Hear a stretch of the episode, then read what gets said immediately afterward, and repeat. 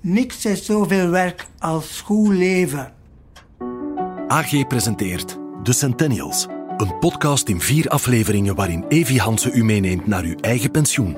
Een sneak preview van wie er voor wie gaat zorgen in een toekomst waarin we langer gaan leven en waarin niets meer is wat het was. Zorgt iedereen straks voor iedereen of iedereen voor zichzelf? En zorgt er dan nog iemand voor de planeet? Aflevering 3. Werk of wat ervoor moet doorgaan.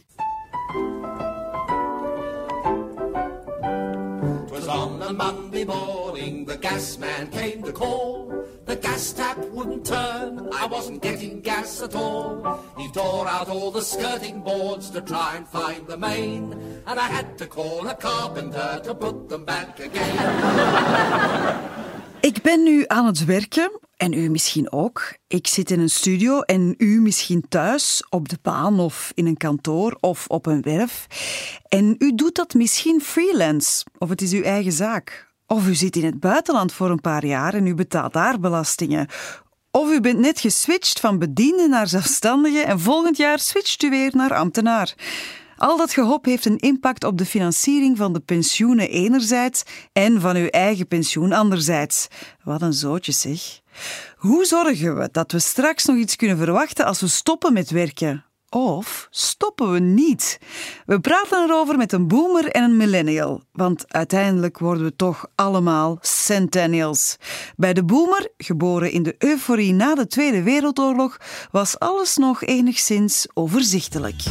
De boomer komt niet alleen uit een tijd dat de demografische curve boomde, maar ook de economie en het jobaanbod. De jobs waren talrijk, stabiel en de opportuniteiten massaal. De economische groei en de technologische vooruitgang creëerden snel groeiende carrières, salarissen en bonussen. Tegen de tijd dat de boomer een beetje financieel niveau had bereikt, lagen de winsten bovendien voor het rapen in immobiliën en op de beurs. Zelfs het spaarboekje bracht iets op. Ja, echt waar. De boomer kon comfortabel kiezen tussen een levenslange stabiele loopbaan of een meer gefragmenteerde carrière. Jobs genoeg. Die keuze was een luxe. Want het gefragmenteerde bestaan is nu de norm, maar niet de keuze. De boomer die bij mij zit is Piet van Hooiland, 64 jaar en ex-rijkswachter. Dag Piet. Dag Evi. Vertel eens, wat voor een boomer ben jij? Ja, ik ben dus geboren in 56 in een gezin van acht kinderen. Ik ben in 76 de Rijkswacht binnengestapt en ben nu sinds eh, 19 maanden op pensioen. Je zit hier ook echt te glimlachen, dus op pensioen gaan, dat is oké. Ja, Tegenover deze boomer, die heel gelukkig is met zijn pensioen, zit mijn millennial van dienst, Maarten van Dalen, 32 jaar. Maarten, eh, ik vraag me af in hoeverre jij je herkent in het volgende stukje. Luister even mee. De millennial is een jobkonijn. Boing, boing, boing, jobsatisfactie moet er zijn. En wel nu direct. Er wordt in deze generatie meer van job en van statuut veranderd dan van profielfoto op Instagram. Om nog te zwijgen van die stage in Barcelona, die zes maanden werkloosheid en de mislukte, maar geweldig plezante start-up periode. Millennials werken om te leven, niet andersom. Ze zijn de uitvinders van de instant gratification. Pensioen is een uitvinding van een andere wereld, toen de mensen nog aan morgen dachten. Maar toch zouden ze graag morgen ook nog van het leven kunnen genieten. En overmorgen. Maarten, je hebt net het stukje gehoord. Kloppen de clichés? Herken je jezelf? Ja, toch wel, toch wel. Ja. Ik, eh, ik, ik ben zelf ook eh, sinds, sinds enkele maanden eh, freelancer. Ehm, en de voorbije tien jaar heb ik in het buitenland gewerkt. Ehm, ik heb eh, zelf bedrijfjes proberen opstarten met vallen en opstaan. Ehm, dus ja, ik herken mezelf er toch wel in. Zeg, en ben jij al met je pensioen bezig? Absoluut niet. Nee. Want ja, je bent, bent begin dertig, hè? Ja, ik begin er misschien wel iets meer over na te denken dan de vorige jaren, maar ik moet zeggen dat ik eh, van zo gauw als ehm, mijn bank mij belt en begint over pensioensparen, dan eh, doe ik mijn oren toe. Ja. En, en wa- hoe, waarom? Ja, ik ben er nog niet mee bezig geweest. nee. Pas op, het komt er sneller dan je denkt, hè, boomer? 43 jaar zijn gevlogen. Zou die evolutie van vast naar losser op lange termijn voordelig of nadelig voor ons uitkomen? Ik ben benieuwd wat de doemdenker daarvan denkt. Ja, voordelig of nadelig, Evi. Denk er nu zelf. Een versnippering van een loopbaanopbouw, een gepuzzel van pensioenstelsels en altijd minder werkende om het systeem te financieren. En dan zijn er ook nog al die beroepen die, die, die gaan verdwijnen. Bankbedienden, boekhouders, uh, chauffeurs, reisagenten, magaziniers. Ja, Zagevent, stop maar. Hè. Naar doemdenkers luisteren wij niet. Wij luisteren naar mensen die constructief denken. En zo iemand is Bart Steukers, CEO van de Technologiefederatie Agoria. Een expertisecentrum die de technologische evolutie op de arbeidsmarkt bestudeert. Dag Bart. Dag Evie. Bart, nu ben ik heel benieuwd. Hoe ziet de arbeidsmarkt eruit volgens jou in pakweg 2050? Oh, dat weet ik niet. Tegen 2030 kan ik wel eens iets over vertellen. Graag. Um, ik hoorde juist uh, vertellen dat er jobs gaan verdwijnen. Dat is mhm. ook zo. Uh, maar we hebben ook heel wat werk gedaan uh, om te kijken welke jobs komen erbij. En er is echt goed nieuws. Voor elke job die verdwijnt, komen er een drietal nieuwe jobs bij ook. Dus als we ons goed voorbereiden, is er voor iedereen werk. Dus mensen die bang zijn om geen job te hebben over twee of drie jaar, eigenlijk zou dat niet moeten? Eigenlijk zou dat niet moeten. Maar je moet natuurlijk wel je eigen verantwoordelijkheid nemen. Je moet wel je eigen competenties blijven daaraan werken. Dat is wel een, eh, een zekerheid. Hè? Iedereen gaat een stukje mee moeten denken van hoe verandert mijn beroep en welke ervaring, welke competenties kan ik daarvoor opdoen. Maar als we dat doen, dan is er echt werk voor iedereen. Daarom dat men, je hoort heel vaak praten over levenslang leren. Wel, dat is inderdaad belangrijker dan ooit. Als we daarin lukken om allemaal daar een stukje aandacht voor te hebben, ja, dan is er werk genoeg. Corona, heeft dat eh, verandering gebracht in die uh, evolutie? Ja, als we nu snel een, uh, een, vaccin zouden kunnen hebben, als we snel weerstand opbouwen tegen het virus, dan gaan we twee jaar verliezen misschien, maar op zich gaan we twee jaar later terug echt onze business, onze, onze arbeidsmarkt verder kunnen opbouwen, zodanig dat we, hooguit twee jaar verloren zijn. Maar er is ook een stukje goed nieuws. In het slechte nieuws is er ook altijd een beetje goed nieuws. Eh, wat we wel zien door die COVID-crisis, is dat heel het digitale leren dat komt wel in een versnelling. Hè? Ja, want ik moet leren zoomen, Zoom-meetings en zo. Bijvoorbeeld. Als, ik, ik zeg dat soms wel eens, als je twee jaar geleden had gezegd, het zou goed zijn dat kinderen twee dagen per week op afstand digitaal les volgen, dan zou men gezegd hebben, ja nee, dat gaat niet. Dat, dat, wie verzint nu zoiets? Maar dat doen we ondertussen vandaag. Hier aan tafel hebben we een gesprek met een millennial en een boomer. Uh, de millennial denkt nog belangen niet aan pensioensparen. Heeft hij gelijk?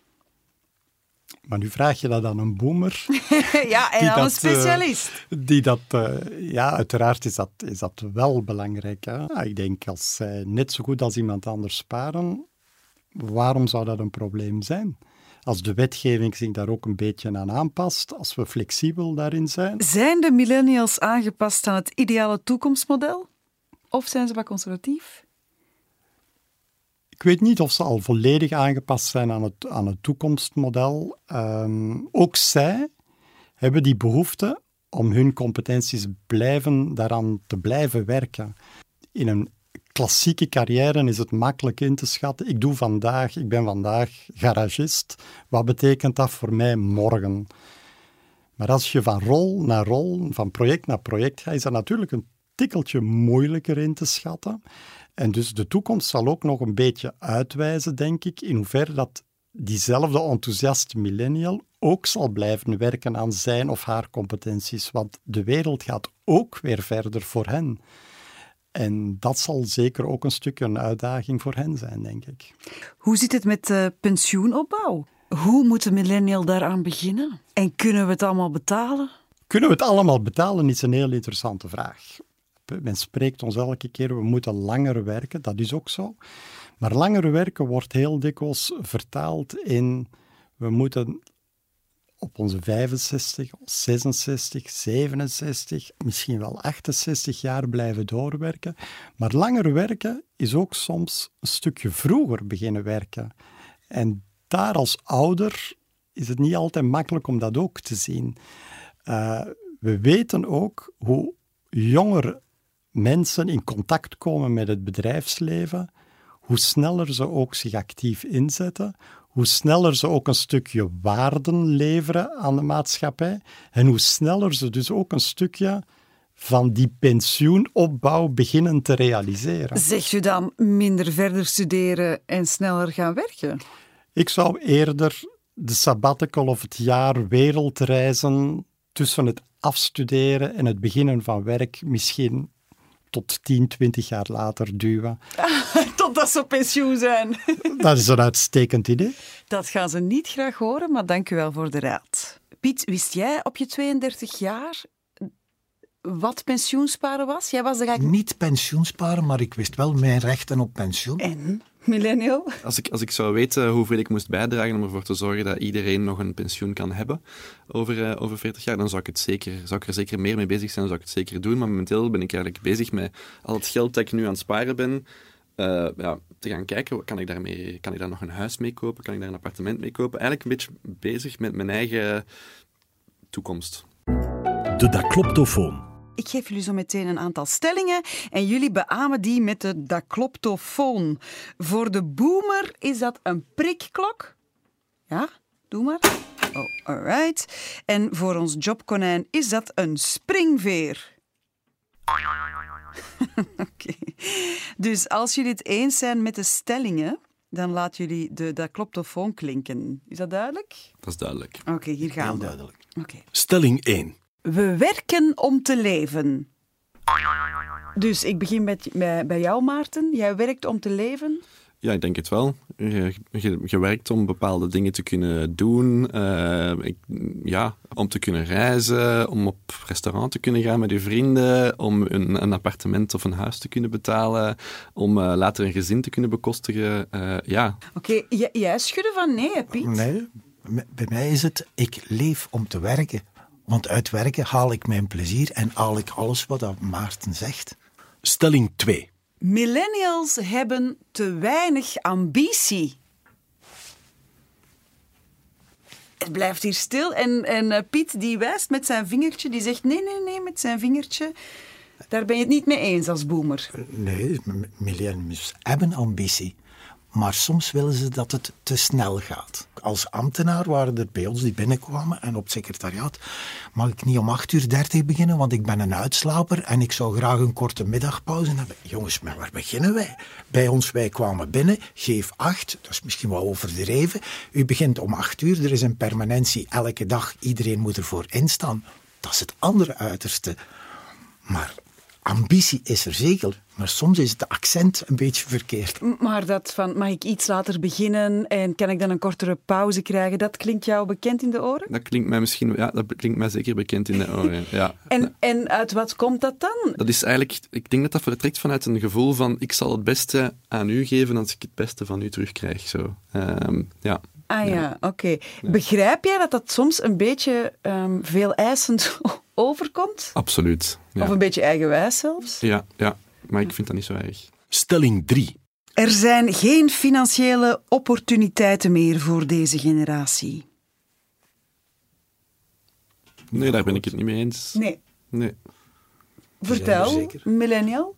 Ja, ik denk dat er zeker nog zijn. Eh, er zijn we hebben ook heel veel chance eigenlijk, ook in België. Zo. Ons, ons, ons onderwijs is gratis, of bijna gratis. Je moet dat Eh, niet afbetalen. Je moet dat niet afbetalen. Eh, dus ja, ik denk kennis, is, kennis geeft u nieuwe, nieuwe kansen. En ik denk ook dat ondernemerschap heel hard wordt aangemoedigd vandaag in België. Ehm, ik zeg niet dat het gemakkelijk is. Ehm, maar in die zin zijn er zeker nog, nog kansen, financiële opportuniteiten. Het is, het is inderdaad moeilijker om vastgoed te vergaren. eh, ehm, dat soort zaken zijn iets lastiger geworden voor onze generatie, denk ik. Ehm, maar, maar opportuniteiten zijn er altijd. Dat is fijn om te horen. Eh, ja, en, en Piet, jij bent daarmee eens. Ja, er is voldoende. Men kan inderdaad op, met wat werken, met een goede inzet, met een beter loon, kan men toch redelijk snel een huis vergaren. Je moet wel niet van de eerste dag dat willen, maar na tien jaar kunnen de meeste mensen wel een beginkapitaal hebben en een huisje kopen. ik hoor daar toch heel stiekem zo dat belerend toontje van het kan, maar je moet er wel hard je best voor doen. En geduld hebben. En geduld hebben. Hebben jullie dat, millennials? Nee. Ah, oké. Stelling 4. Als ik later behoevend ben, dan zullen mijn kinderen wel voor mij zorgen. Ja, ik hoor hier natuurlijk eh, meteen Piet. Maar ja, Maarten, jij hebt nog geen kinderen? Nee. Nee, maar Piet, serieus? Ja. Gaan jouw kinderen voor jou zorgen? Je denkt dat?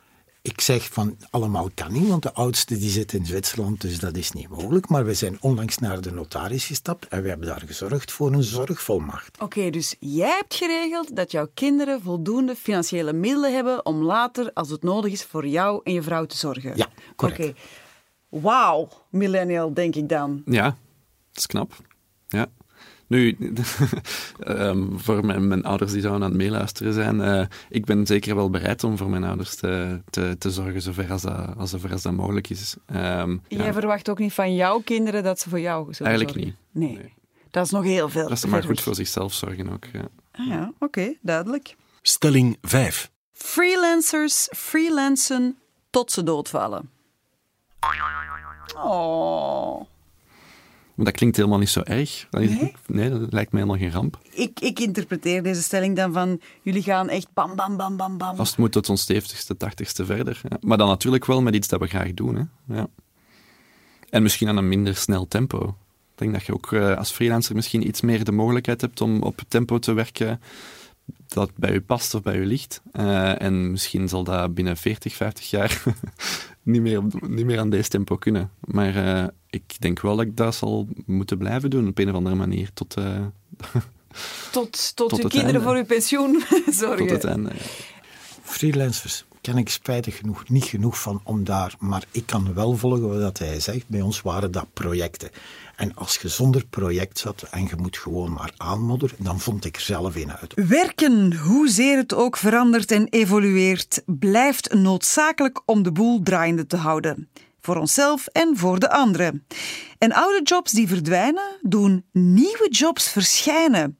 U hoort een lijstje begeleid door muziek die door artificiële intelligentie gecomponeerd werd.